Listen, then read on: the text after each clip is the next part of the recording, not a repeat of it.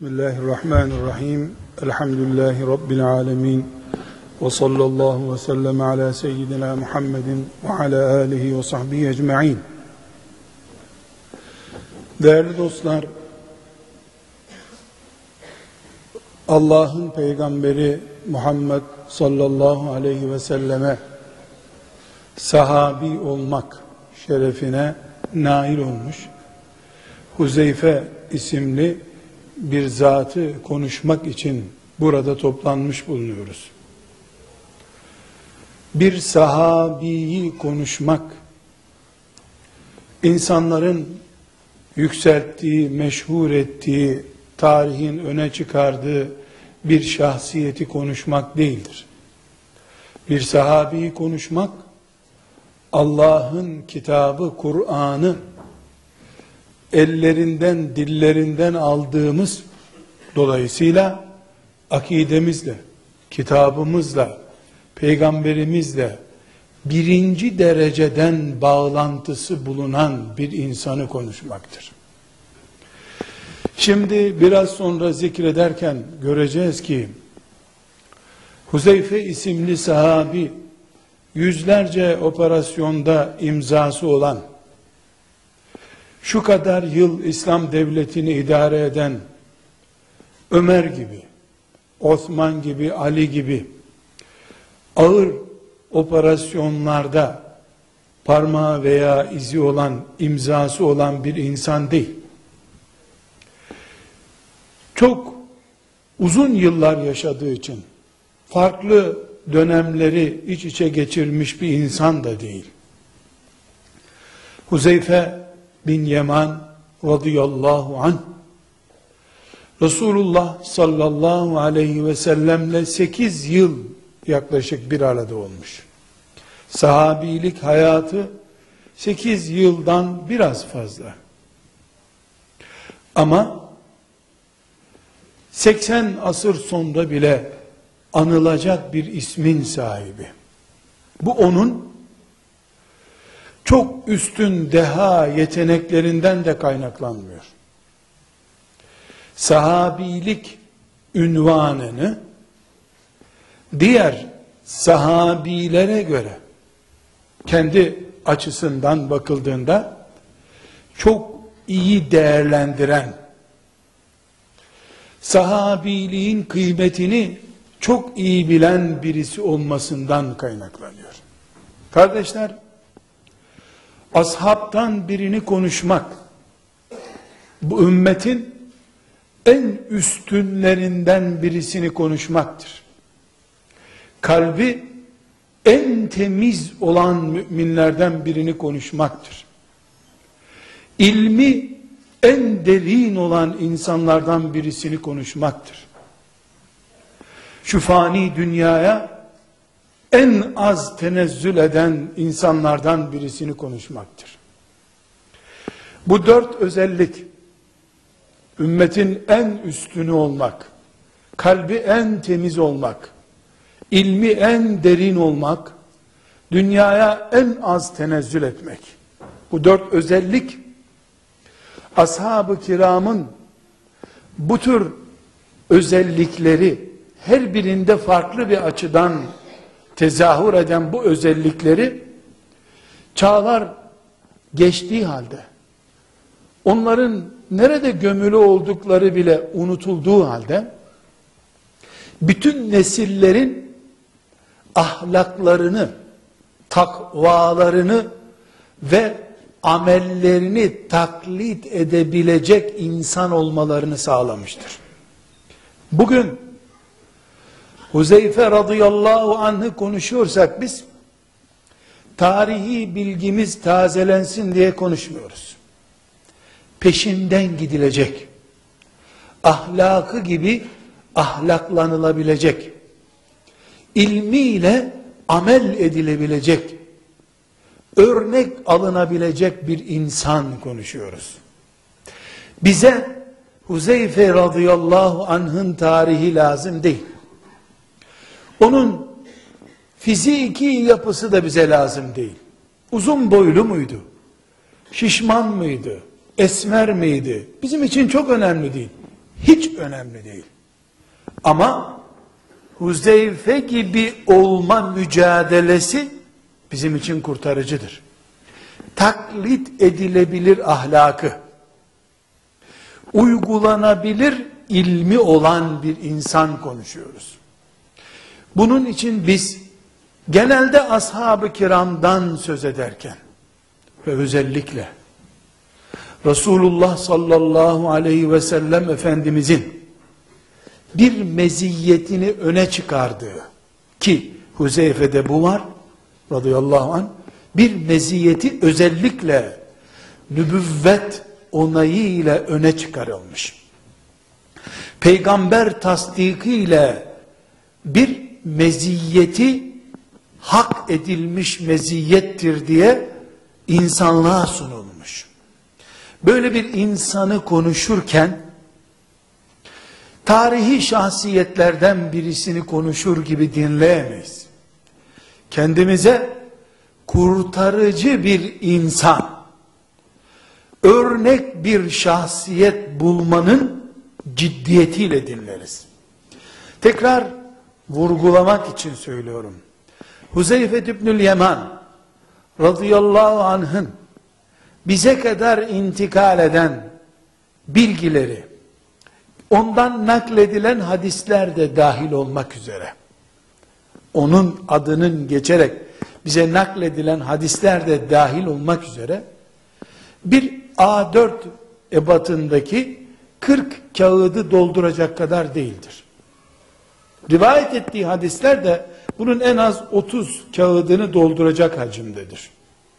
Ama Huzeyfe'nin şahsiyetiyle ilgili siyasi, ilmi, dini çalışmaları ile ilgili Peygamber aleyhissalatu vesselamla ilişkileriyle alakalı bize nakledilen sahih ve zayıf bilgilerin tamamı 40 sayfayı dolduracak ebatte değildir. İlla Huzeyfe ile ilgili bir kitap yazacak olsak bu A4 kağıdı üzerinden 40 sayfayı geçecek çapta değildir. Başlık üstüne başlık atarsan 42 sayfaya çıkarabilirsin. Ama Huzeyfe ile ilgili bir satırlık bilgi var.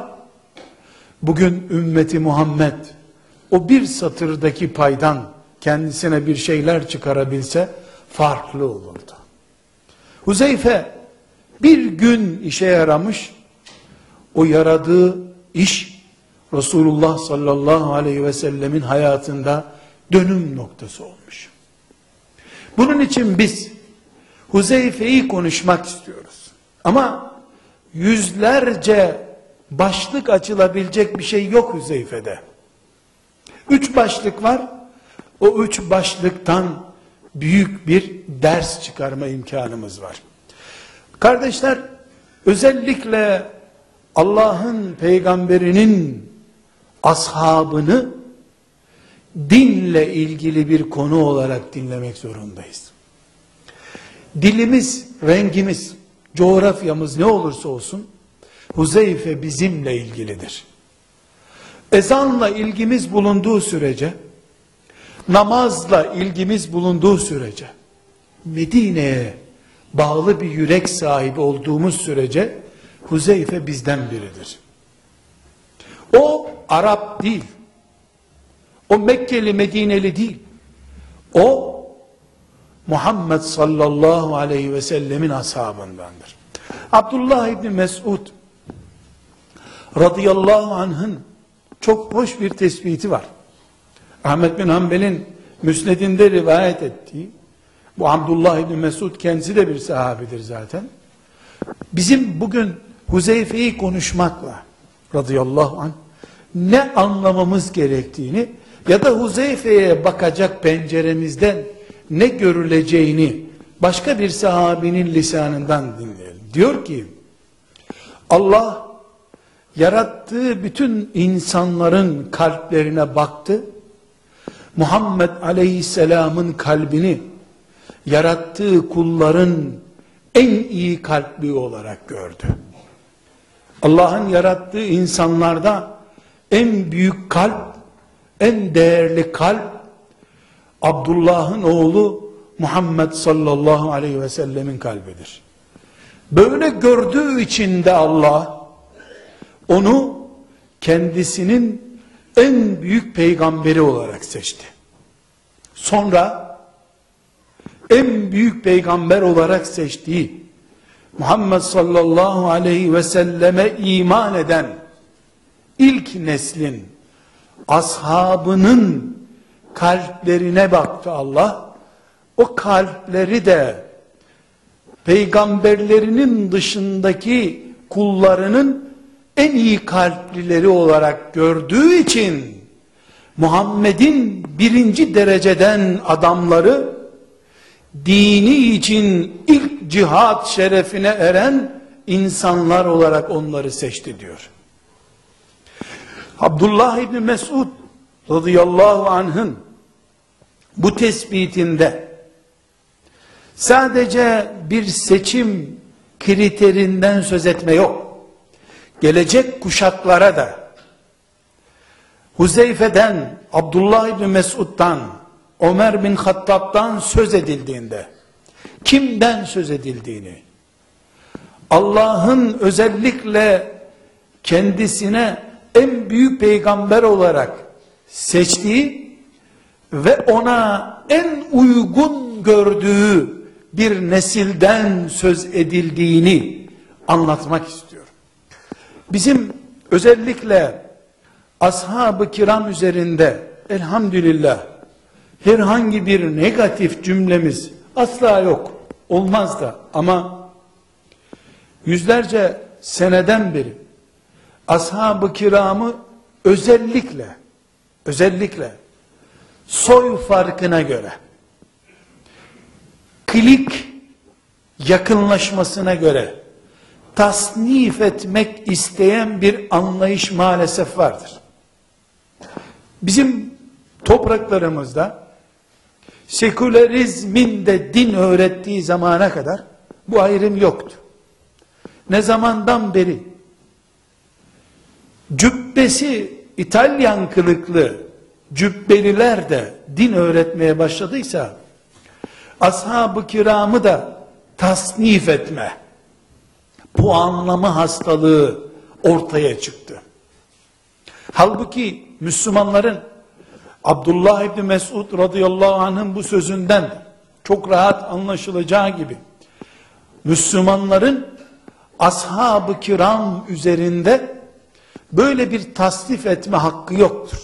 Çünkü Allah azze ve celle Peygamberi Muhammed aleyhisselama adam olma, onun birinci dereceden ve onun kefaletiyle Müslümanlık yaşama hazzına kavuşacak kitle olarak seçtiği Kur'an'ın ve hadisi şeriflerin yani Peygamber aleyhisselamın şu şu kadar bu bu kadar diye tasnif etmediği bir şekilde ashab-ı kiramı tasnif etmek batıldır.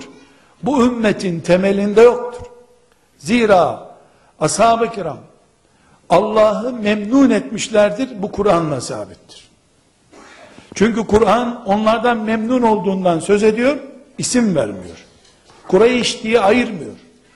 Ensar, muhacir diye ayırmıyor. Ensardan da, muhacirden de memnun olduğunu söylüyor. Dün Müslüman olanlar, bugün Müslüman olanlar demiyor.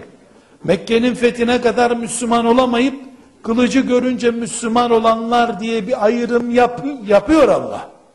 Fetihten önce, Mekke'nin fethinden önce Müslüman olanlar bir başka. Ama ve kullen vaadallahu'l husna. Hepsine cennetini vaat etmiş Allah. Cenneti garanti etmiş insanlardan söz ederken Allah fetih zoruyla iman etmiş. Kılıcın artık ensesinde olduğunu gördüğü için Müslüman olmuşlara bile ve kullen vaadallahu'l husna. Onlara bile sahabe oldukları için peygamber eline tutmak şerefine nail oldukları için Allah cennetini vaat etmiştir. Kur'an'a iman eden bir nesil ashab-ı kiramın arasında asla bu tasnifi yapamaz. Yoksa Kur'an'ın neresine iman ettiği insana bir gün sorulur. El-Hatib Bagdadi diye meşhur olan, Hatip Bağdadi diye meşhur olan bir alemin, muhaddisin çok hoş bir tespiti var. Çok hoş bir tespiti var. Diyor ki, velev ki Kur'an onlarla ilgili onlarca ayet zikretmiş olmasın. Velev ki Resulullah sallallahu aleyhi ve sellemin ashabının menakıbı ile ilgili, onu öven cümleleriyle ilgili yüzlerce hadisi şerif bulunmuş olmasın. Ebu Bekir'i göklere çıkaran, Ömer'i, Osman, Ali'yi göklere çıkaran, Abdurrahman İbni Avf'ı cennetlere uçuran, Muaz İbni Cebel'i arşa taşıyan, velev ki bu hadisi şerifler olmasın, sadece hicret etmeleri, Resulullah sallallahu aleyhi ve selleme atını denize de sürsen peşindeyiz ya Resulullah demeleri. Babalarından, dedelerinden kalan hurma bahçelerini, daha önce savaştıkları insanlara iman kardeşi olduk diye feda etmeleri. Onların inkar edilemeyecek bir şekilde tarihe mal olmuş olsan, mal olmuş olan Kur'an'a hizmetleri, Kur'an muallimi olarak yeryüzüne dağılmaları dikkate alındığında hiçbir hizmetleri olmasa sadece bu özelliklerinden dolayı bile onlar ümmeti Muhammed'in baş tacıdır diyor. Sırf bu özelliklerinden dolayı ashab-ı kiram övülmeye, ümmeti Muhammed'in büyükleri olarak kabul edilmeye, aralarında herhangi bir ayrım yapılmamaya müstehaktırlar sırf şu hicretlerinden dolayı. Resulullah sallallahu aleyhi ve selleme can verişlerinden dolayı. Dul bir kadının çocuğunu paketleyip Resulullah'a hediye olarak getirmesinden dolayı. Sırf bunlara bile bakıldığında onların büyüklüğünün şahidi olarak yeter. Nerede kaldı ki Kur'an onlara şahit? Yüzlerce hadisi şerif onların bu dindeki azim mevkiine şahit.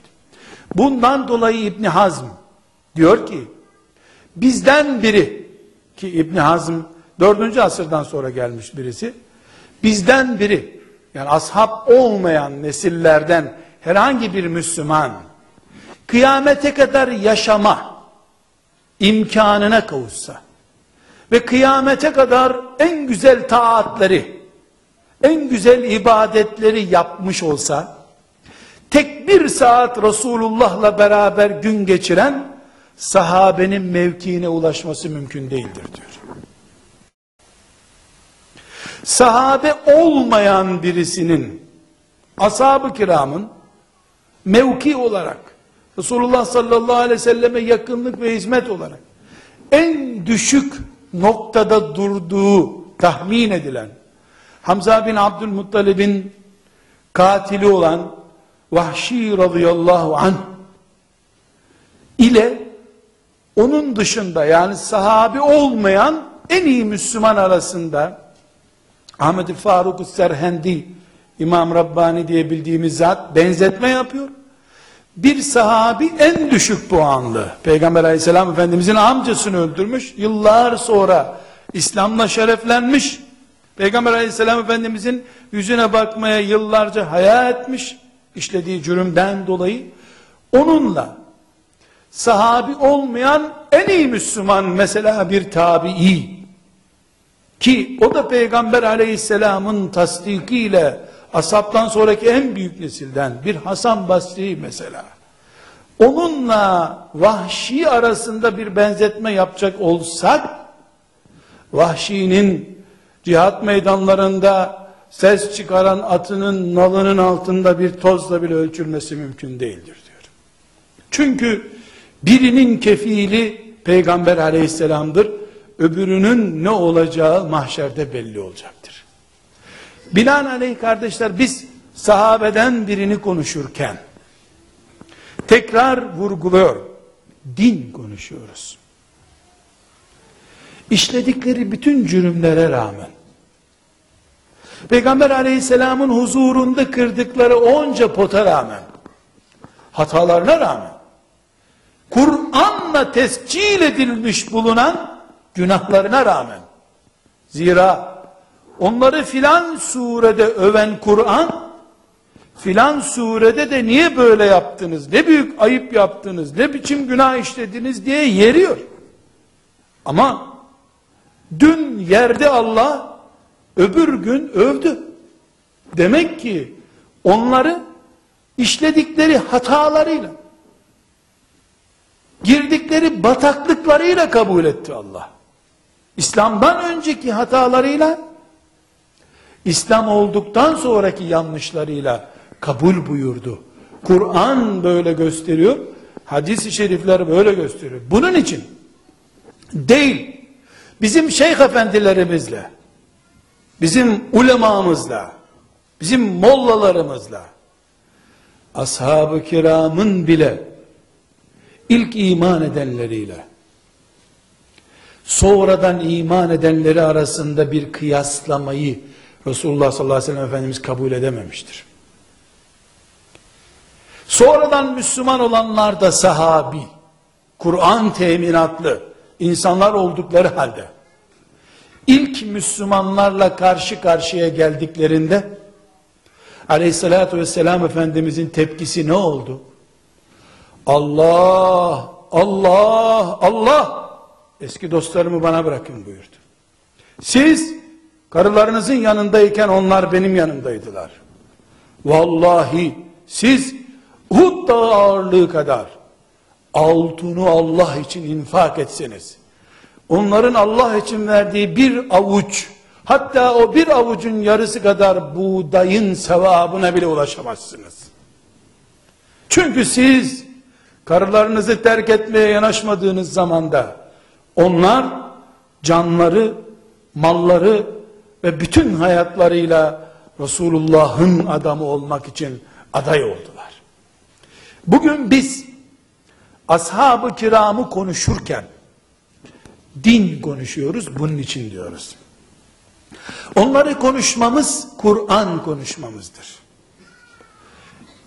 Umudunu taşıdığımız cennet onları konuşmamızla veya onlarla bağımızı kesmemizle çok yakın dereceden ilgilidir. Kardeşler çünkü bizim yazılı kağıtlarda gördüğümüz vahyi onlar canlı canlı dinlediler. Cebrail'den vahiy alırken Resulullah sallallahu aleyhi ve sellem'den nasıl terler boşaldığını gördüler. Vahiy ilk pratiğini onların üzerinde yaptı. Artı onlar bizim gibi medreselere gidip hocaların önüne diz çöküp Arapça öğrenip öğrendikleri Arapçayla da Allah'ın ne dediğini anlamaya çalışmadılar. Allah çok iyi bildikleri için Arapçayı mucize olarak kafalarından aşağıya indirdi. Onlar iyi bildikleri için Arapçayı mucize olarak Kur'an'la karşılaştılar. Bu nedenle Huzeyfe radıyallahu anh Abdullah İbni Mesud Enes İbni Malik Abdullah İbni Abbas ben filan ayetten şunu anladım dediği zaman o ayetten en iyi anlaşılacak şeyi anlamış demektir. Çünkü Kur'an onların diline muhatap oldu. Bizim filanca kadın filanca kocasıyla Resulullah'ın önünde tartıştı. O da halini Allah'a arz etti. Kadıncağız bunaldığını söyledi diye. Tefsirlerden öğrendiğimiz şey onların gözlerinin önünde oldu bitti. Binaenaleyh İslam onların anlayışıyla daha doğru bir anlayıştır. Onlar yüzde yüz şirk bataklıklarından arınıp Resulullah sallallahu aleyhi ve selleme geldiler. Bu nedenle beyinleri yüzde yüz Kur'an'ı anladı. Yüzde yüz Kur'an'ı anlayan beyin bir sürü sistemden sonra o sistemleri de henüz sıfırlayamadan, çöp kutusuna atamadan, İslam'ı başka dillerden aktarılmış bilgilerle ve sistemlerin etkisi altında öğrenen nesillerden kesinlikle çok daha üstündürler. Çok daha değerlidirler. Allah katında akla göre, mantığa göre. Kardeşler, bu pencereden bakıp Huzeyfe radıyallahu anh'ı görmek istiyorum. Ama üçüncü defa vurgulamam gerekiyor. Huzeyfe ile ilgili bütün teracim kitaplarından, hadis kitaplarından, şişmanıyla, zayıfıyla, orta boylusuyla ne kadar bilgi varsa toplayalım. Bu bir kitabı zor doldurur bilgidir. Ama Huzeyfe'de hayat var. Radıyallahu anh. Öğrenilecek çok şey var. Benim aklımın bir türlü idrak edemediği, beynimi zorlayan bir şey, sizi de zorlasın. Bakın Huzeyfe'de neler varmış. Resulullah sallallahu aleyhi ve selleme en çok kimi seviyorsun diye sormuş. Amr ibn as radıyallahu anh Aişe'yi demiş. O da hemen lafı çevirip erkeklerden kastettim demiş. Kimi seviyorsun erkeklerden? Babasını demiş. Ebu Bekir. Bunu üç defa, beş defa, on defadan fazla söylemiş. Ebu Bekir'le ilgili sevgisini belki on defa tekrar ettiği hadis-i şeriflerde sabit. Hem şahıs olarak Ebu Bekir'i çok seviyor, hem de ne diyor? Ebu Bekir'in parası kadar bu hizmette hiçbir şeyden istifade etmedim diyor. Her şeyiyle Ebu Bekir'e hayran. Herkesi Medine'ye icet ettirmiş, Ebu Bekir'i yol arkadaşı olarak bırakmış. Kendisinden sonra hizmetlere vekalet olarak Ebu Bekir uygun görmüş. Kadın vefatından, aleyhisselam efendimizin vefatından çok kısa bir zaman önce, bir kadın gelmiş, ya Resulallah sana bir şeyler sormak istiyorum demiş. O da sonra gelirsin gibi ertelemiş görüşmesini. Seni bulamazsam burada Ebu Bekir'i bulursun demiş. İşaret hep Ebu Bekir'e. Ebu Bekir, Ebu Bekir. Ebu Bekir, Ebu Bekir. Ama bakıyoruz Ebu Bekir'i bu kadar seviyor. Ömer'e sevgisi bir başka. Ali bin Ebi Talib radıyallahu anh'ı neredeyse eliyle kaldırıp arşa kadar yükseltecek öyle seviyor. Çok seviyor. Ali diyor. Nasıl Musa'nın Harun'u vardı sen de benim Harun'umsun diyor. Allah Allah. Çok hoş bir şey. Kendi eliyle büyüttüğü bir çocuk zaten. Şimdi ashab-ı kiramdan çok sevdiği insanlar var. Bunlardan on tanesine de sen cennete gireceksin diye garanti vermiş. On cennetle müjdelenmiş insan var. Bu insanların başka türlü sevdiği var. Vefat edeceğine birkaç dakika kaldığını anlayınca Ali gibi, Ebu Bekir gibi, Ömer gibi insanları çıkın odamdan demiş. Ayşe kalsın burada demiş. Ayşe'nin dizine başını koyup vefat etmek istemiş. Ayşe sevgisini gösteriyor. Ebu Bekirler, Ayşeler sevdiğini dillendirdiği mesela kalkıyor bir sahabeye diyor ki Muaz seni çok seviyorum sana bir dua öğreteyim diyor. Öbür taraftan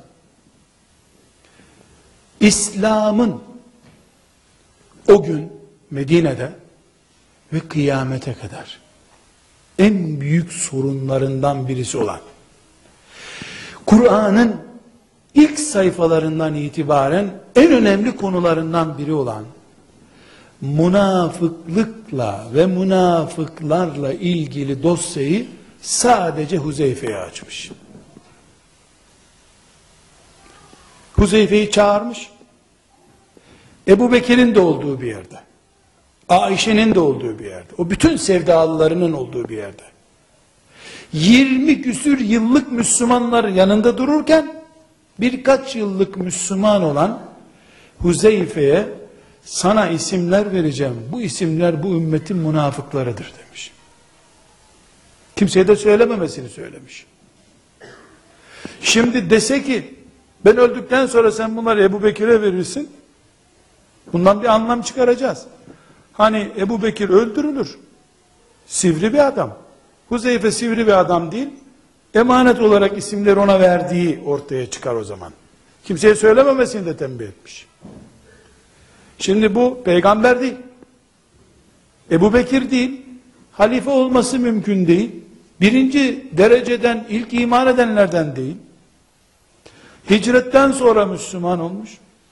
Anası Müslüman olmuş, babası Müslümanmış, bu sonra Müslüman olmuş üstelik. Çok ahım şahım, atılımlı bir Müslümanlığı da yok.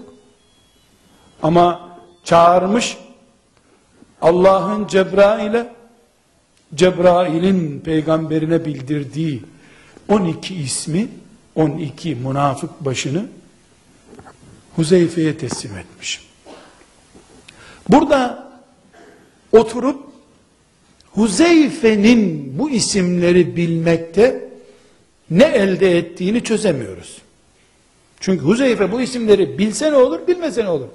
Zira kendisinden sonra siyaseti Huzeyfe'ye teslim etmeyeceği belli bir şey. Neden? Liderleriniz Kureyş'ten olsun demiş. Huzeyfe Kureyşli değil. Kureyş kökenli de Kureyş'ten değil. İntisap etmiş, Medineli olmuş. Ensar kökenli. Yani siyasi yönetime gelmeyeceği belli bir şey Huzeyfe'nin. Huzeyfe'ye bu isimler yaramayacak. Sadece Huzeyfe cenaze namazları kılınacağı zaman kimin cenazesi var diye soruyor. Bazı cenazeleri kılmamış. Anlaşılmış ki Huzeyfe'nin kara listesinde bu adam var. Ömer bin Hattab radıyallahu anh da cenazeye çağrıldığı zaman Huzeyfe orada mı diye soruyormuş. Huzeyfe katılmıyorsa da katılmıyormuş cenazeye. Bir keresinde de cenaze namazına tam tekbir getirecekken cimciklemiş Ömer'i. Dönmüş ne oluyor demiş. Kılacak başka bir şey bulamadın mı demiş. Çekilmiş onu oradan. Ömer bilmiyor. Ama dönüyorsun Ömer'i anlatan hadislere ne diyor? Ben peygamber olmasam Ömer olurdu diyor. Hak Ömer'in lisanı üzerinden iniyor diyor. Ama münafıkların listesi Ömer'de yok. Ömer'deki de bir sıkıştırıp Huzeyfe o isimler ben, benim bulunduğum isimler midir diyor. Kendisinin de o isimlerde olup olmadığını garantisi yok. Sonunda sıkıştırmış onu. Huzeyfe demiş benim valilerim arasında o isim var mı demiş. 12 isimden biri varmış. Bir kişiden şüphe edebilirsin demiş. İsmini söylememiş. Şimdi biz Resulullah sallallahu aleyhi ve sellemin Huzeyfe'ye bu tür yüklenişini çözmeye çalışıyoruz. Biraz sonra bunu tam çözeceğiz. Ama önce duygusal bir dosya açalım. Kardeşler,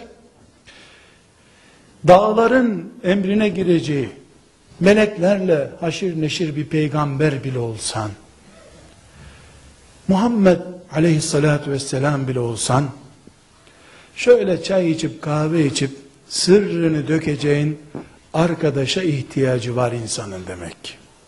Huzeyfe'yi bunun için yanına çağırmış.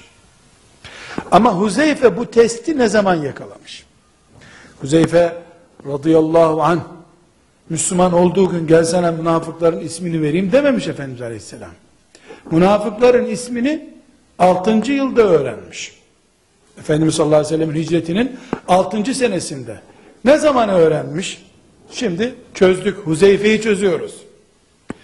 Bildiğimiz bir Ahzab savaşı var. Bunun bizim dilimizdeki adı Hendek Savaşı'dır. Kur'an'daki adı Ahzab Savaşı'dır.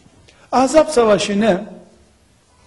Mekkeli müşriklerin ve müşrik Arap kabilelerinin içerideki Yahudilerle ittifak ederek Medine'yi kuşattıkları savaşın adıdır. Bir aydan fazla uzun bir zaman sürdü. Kur'an-ı Kerim'den anlıyoruz. Bu Ahzab Savaşı'nın üç büyük özelliği var. Bir, Kur'an deyimleri bunlar. Çok soğuk bir dönem. Medine'de ne kadar soğuk var? Rastladığınız zaman görürsün. Gündüz 45 derece, gece eksi. Böyle acayip bir iklim. Soğuk mevsimlerinde.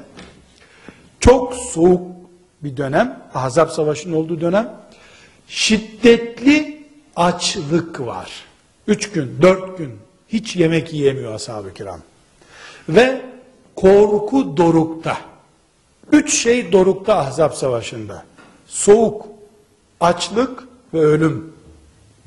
Ölüm tehlikesi, açlık tehlikesi ve soğuk tehlikesi. Üç şey dorukta. Ashab-ı kiram Medine'nin etrafına bildiğiniz gibi hendek kazdılar.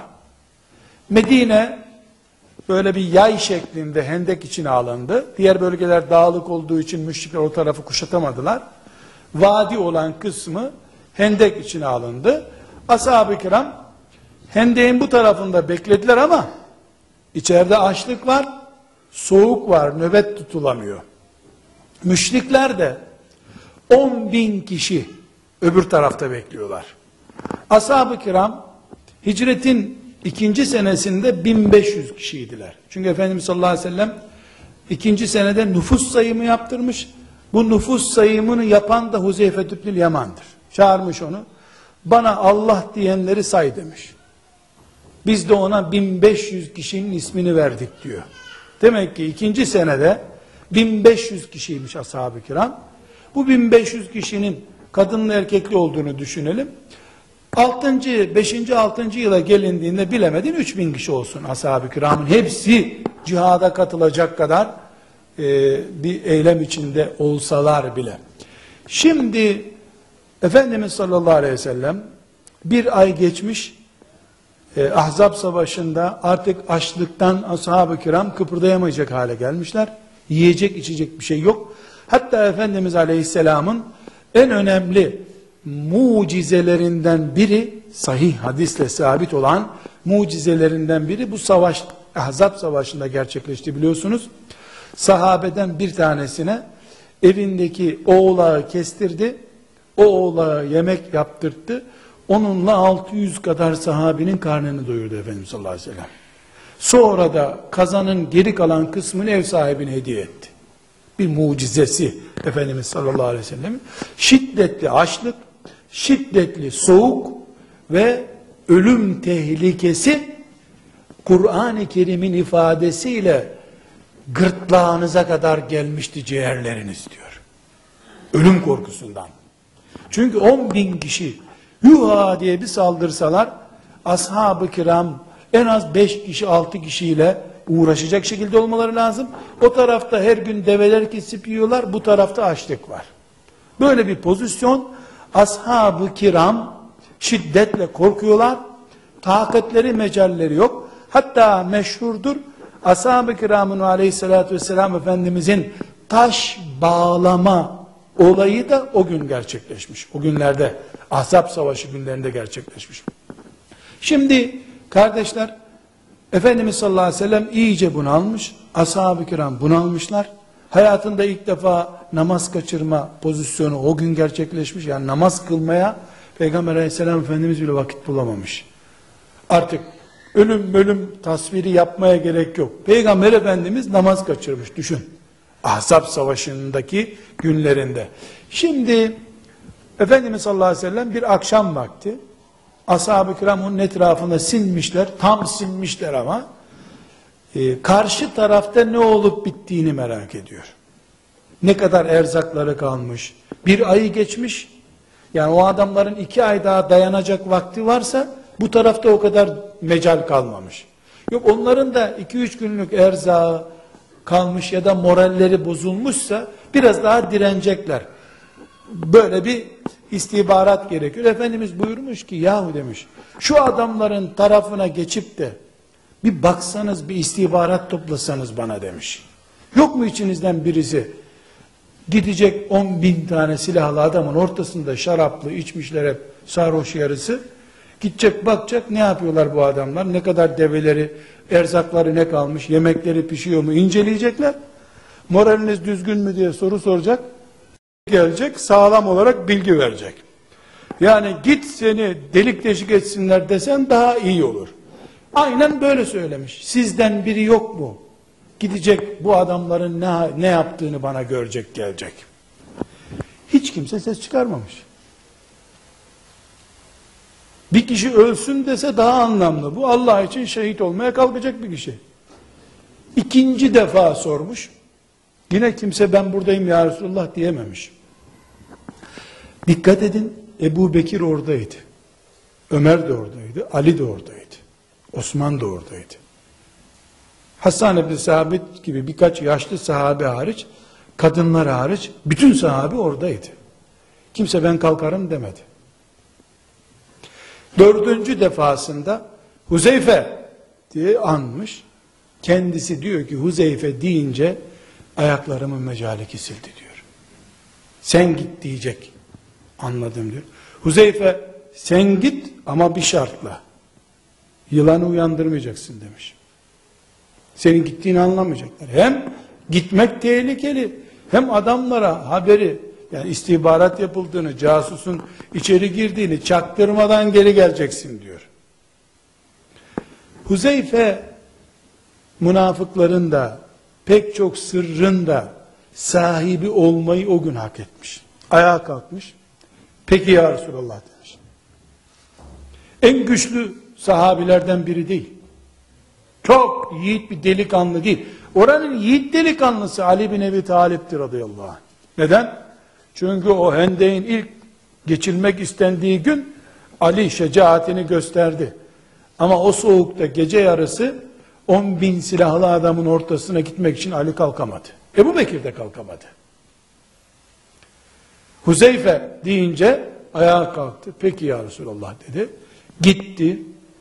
Ebu Sufyan müşriklerin komutanıydı. Onun dizinin dibine oturdu. Hatta ona nasılsın, ne yapıyorsun diye sorular sordu. Sen kimsin buraya geldin? Sen kimsin demiş. Ben Ebu Sufyan dedim. Ha otur o zaman dedim. Bu onun üstüne gir. Kendisi anlatıyor bu hatırasını. Sonra sabah olmadan Resulullah sallallahu aleyhi ve selleme gelmiş ya Resulullah demiş. Bu adamların dayanacak mecali kalmadı. Hepsi gidelim mi diye konuşuyorlar demiş. Tekbir getirmiş Efendimiz sallallahu aleyhi ve sellem. Çok büyük bir müjde çünkü. O gün savaşın sanki 40. günü değil ilk gün gibi ashab-ı kirama yeniden kan geldi. Yeniden heyecanlandılar.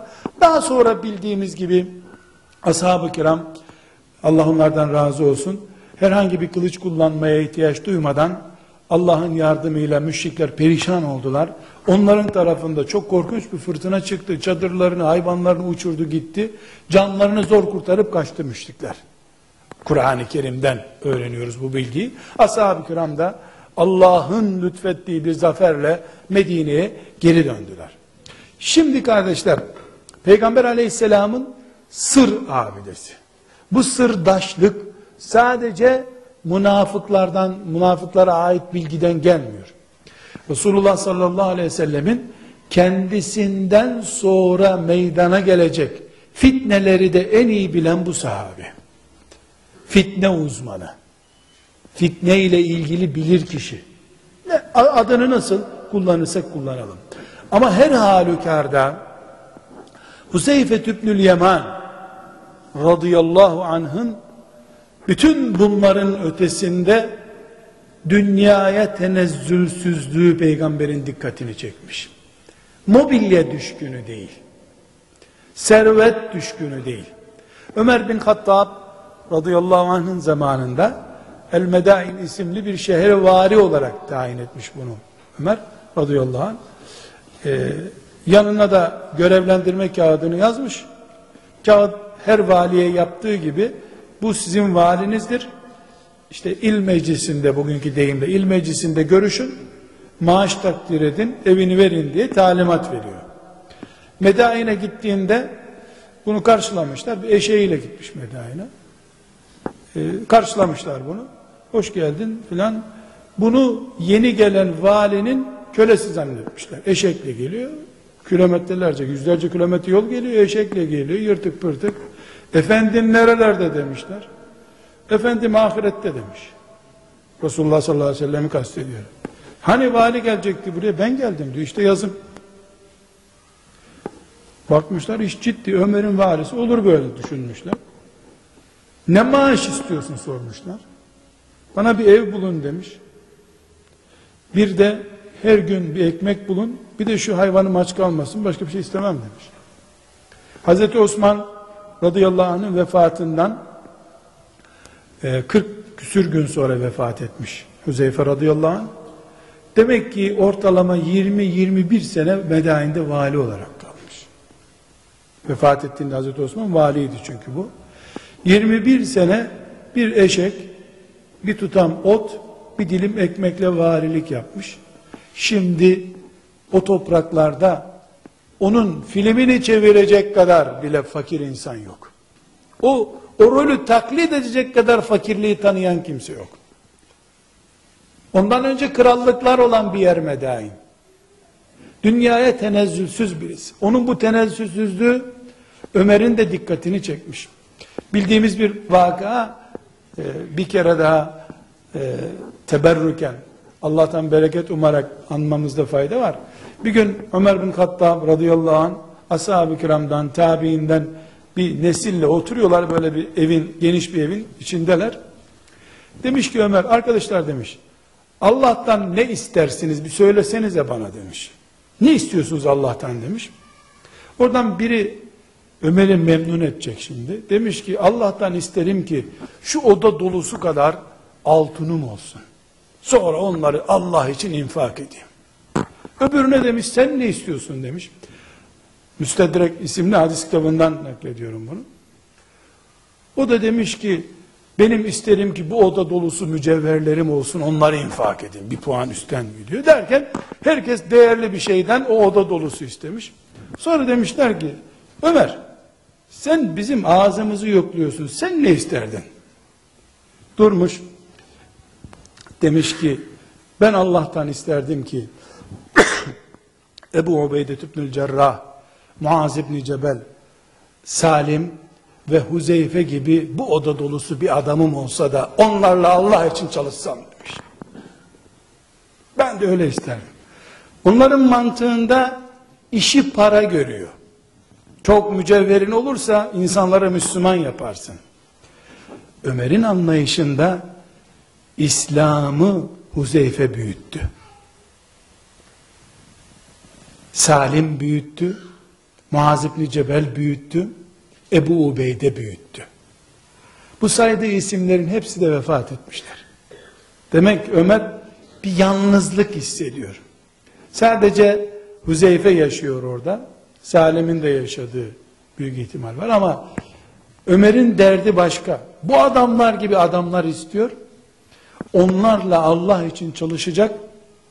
Muaz'la yola çıkacak. Ebu Ubeyde ile yola çıkacak. Demek ki Resulullah sallallahu aleyhi ve sellemin Huzeyfe'ye bakışıyla Resulullah sallallahu aleyhi ve sellemin ikinci halifesi olan Ömer bin Hattab'ın Huzeyfe'ye bakışı arasında benzerlik var. Tekrar kardeşler biz bu güven abidesine dönelim. Huzeyfe güven abidesi oldu da yani münafıkların ismini bildi de ne oldu? Mesele sadece münafıkların ismini bilme meselesi değil. Huzeyfe'nin eli de güvenliydi. Vali oldu. Valiliğinden tek bir elbiselik bütçe almadan çıktı gitti. Sadece eşeğinin yemi, günlük ekmeği ve bir gece kondu istedi halktan. O da onlara hizmet edip edebilmek için. Ve bu Ubeyde de öyleydi.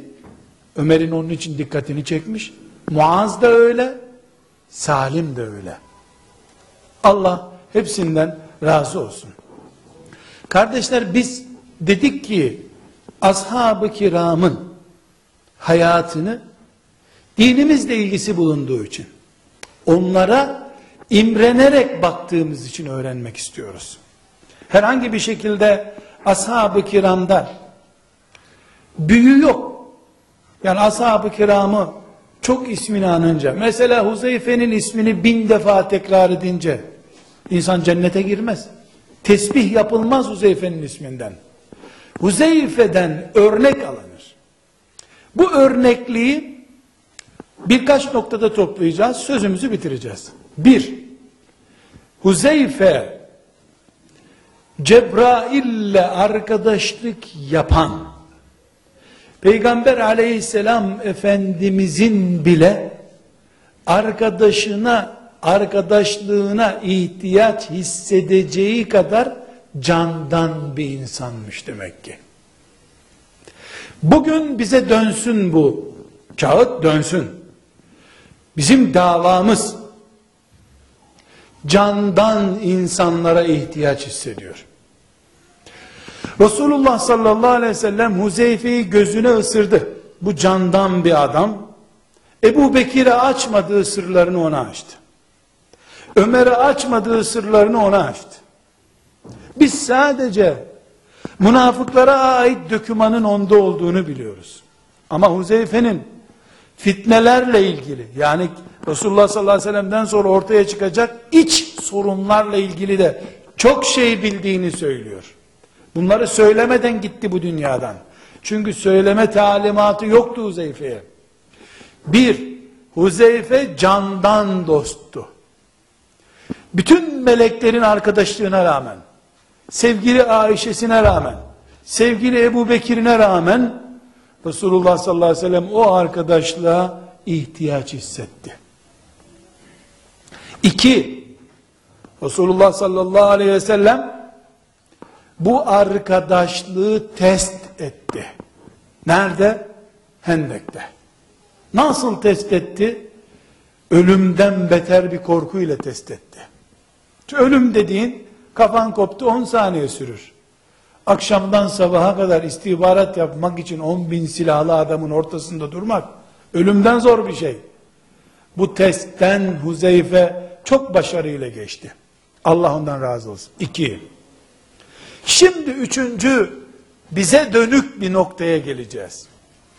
Bu Peygamber aleyhisselama candan dost olmanın dünyada da görülen bir sonucu oldu kardeşler. Bu sonuç Ömer'in radıyallahu anh sevgisine ulaşmak, Ömer'in sevgisiyle simgelenmiş bir noktada olmak olabilir.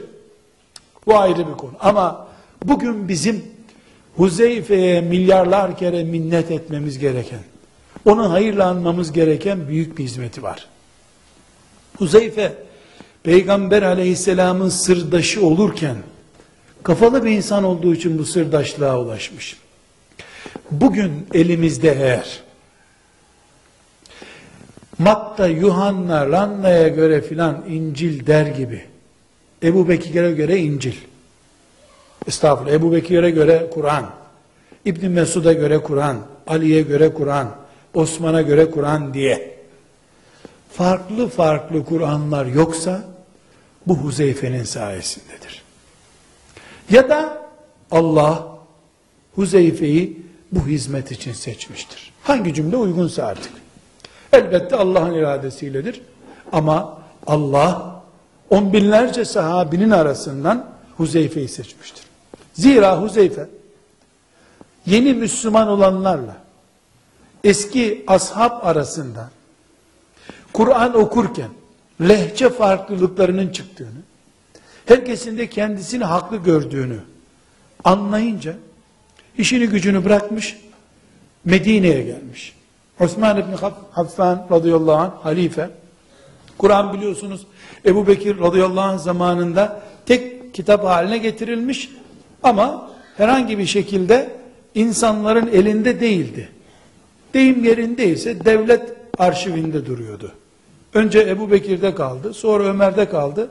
Ömer radıyallahu anh vefat ederken de kızı Hafsa'ya bıraktı onu Efendimizin hanımına. Hafsa'nın sandığında duruyordu Kur'an. Herkes de kendine göre okuyordu. Huzeyfe bu kendine göre okuyuşun bir gün İncil'in akıbetine doğru Kur'an'ı kaydıracağını hissetmiş. Medine'ye gelmiş. Osman İbni Affan'a demiş ki Osman ya emrel müminin bu ümmeti Kur'an'ını parçalamaktan kurtar demiş. Ne yapayım demiş. Resmi musaflar çıkar demiş. Böylece insanlar devlet onaylı musaf okusunlar demiş. Osman da bu fikri çok uygun görmüş. Hafsa'nın elindeki radıyallahu anha musafı alıp Ondan yedi tane çoğaltmış. O zaman İslam toprakları yedi eyalet. Her birini mühürleyerek her vilayet valisine bir tane teslim etmiş. Böylece kısa bir zamanda bugün Afrika'dan Kuzey Kutbu'na kadar okuduğumuz Fatiha hep aynıysa bu aynılığı Huzeyfe radıyallahu anh'ın projesi gerçekleştirmiş. Bu onun Kur'an'ımıza hizmeti. Resulullah sallallahu aleyhi ve sellem onun bu hizmetini görmedi. Çünkü ondan çok yıllar sonra oldu bu iş. Ama Huzeyfe bu hizmeti yapabilirdi. Bu kapasitede bir sahabiydi. Resulullah sallallahu aleyhi ve sellem bunu biliyordu. Allah ona vahiy etmişti muhakkak. Öbür türlü Huzeyfe sivrilen bir isim olmayacaktı. Kardeşler, ashab-ı kiramı biz özellikle tuttu kalenin kapısını Ali, bir kaldırdı, kalenin kapısı kalkınca müşrikler kaçtılar. Böyle film kahramanı gibi istiyoruz. Her sahabi öyle film çevirecek çapta değildi. Ama Kur'an'ı bize ulaştıracak hizmeti yapanları oldu. Huzeyfe kıyamete kadar Kur'an'la anılmalı. Huzeyfe bir lider ne kadar güçlü, ne kadar müeyyet olursa olsun, Allah'tan teyit görmüş bir lider bile olsa, sır dostlarına ihtiyacı olacağına dair örnek olarak kalsın. Huzeyfe, kendisine en çok ihtiyaç hissedilen günde, ölümü göze alıp, müşriklerin ortasına girecek çapta yürekli bir Müslüman olarak, gençlerin örneği olsun. Sıkışınca bizim işimiz vardı, biz taşınacaktık, hanım doğum yapacaktı diyen her Müslüman Hendek'teki Huzeyfe'yi unutmamalıdır. Sadece peki ya Resulallah dedi, kalktı gitti. Kaldı ki diyebilirdi ki ya Resulallah Mekkelilerden birini gönder o adamları daha iyi tanır. Bir sürü mazereti vardı. Bu mazeretleri hiç aklına bile gelmedi. Bir şey söyleyeyim mi? O da çok önemli. Kendisi o olayı anlatırken hiç korkmadım. Nasıl olsa Resulullah arkamdadır demiyor. Çok korktum. Elim ayağım titredi. İçim boşaldı diyor. Ama Resulullah emretti kalktım gittim diyor. Gerçeği söylüyor. Çok korkmuş. Ama korkudan dolayı Resulullah sallallahu aleyhi ve selleme ama ile cevap vermemiş. Tekrar özetliyorum. Sır adamı, güven abidesi. Kur'an'a hizmette iki numaraya Ebu Bekir'den sonra. Radıyallahu anhüm cimiyan. Üç, zor günün adamı. Dört, ama kelimesi sözlüğünde yok ve bunların toplamının şahidi zahitliği, dünyaya tenezzülsüzlüğü. Dileriz Allah onun gibi olmayı nasip eder etmez. Onu istemek hakkımız olur olmaz. Sahabilik hariç tabi. Ama yine isteriz Allah'tan o yolda olmayı da en azından onun şefaatiyle cennette onunla ve Allah'ın diğer dostlarıyla beraber bulunmayı bize nasip etmesini dileriz. Bunları konuşmamız, onu huzur içerisinde, huşu içerisinde dinlememizin şefaatine de vesile olmasını Allah'tan niyaz ederim. Ve sallallahu ve sellem ala seyyidina Muhammed ve ala alihi ve sahbihi ecma'in velhamdülillahi rabbil alemin.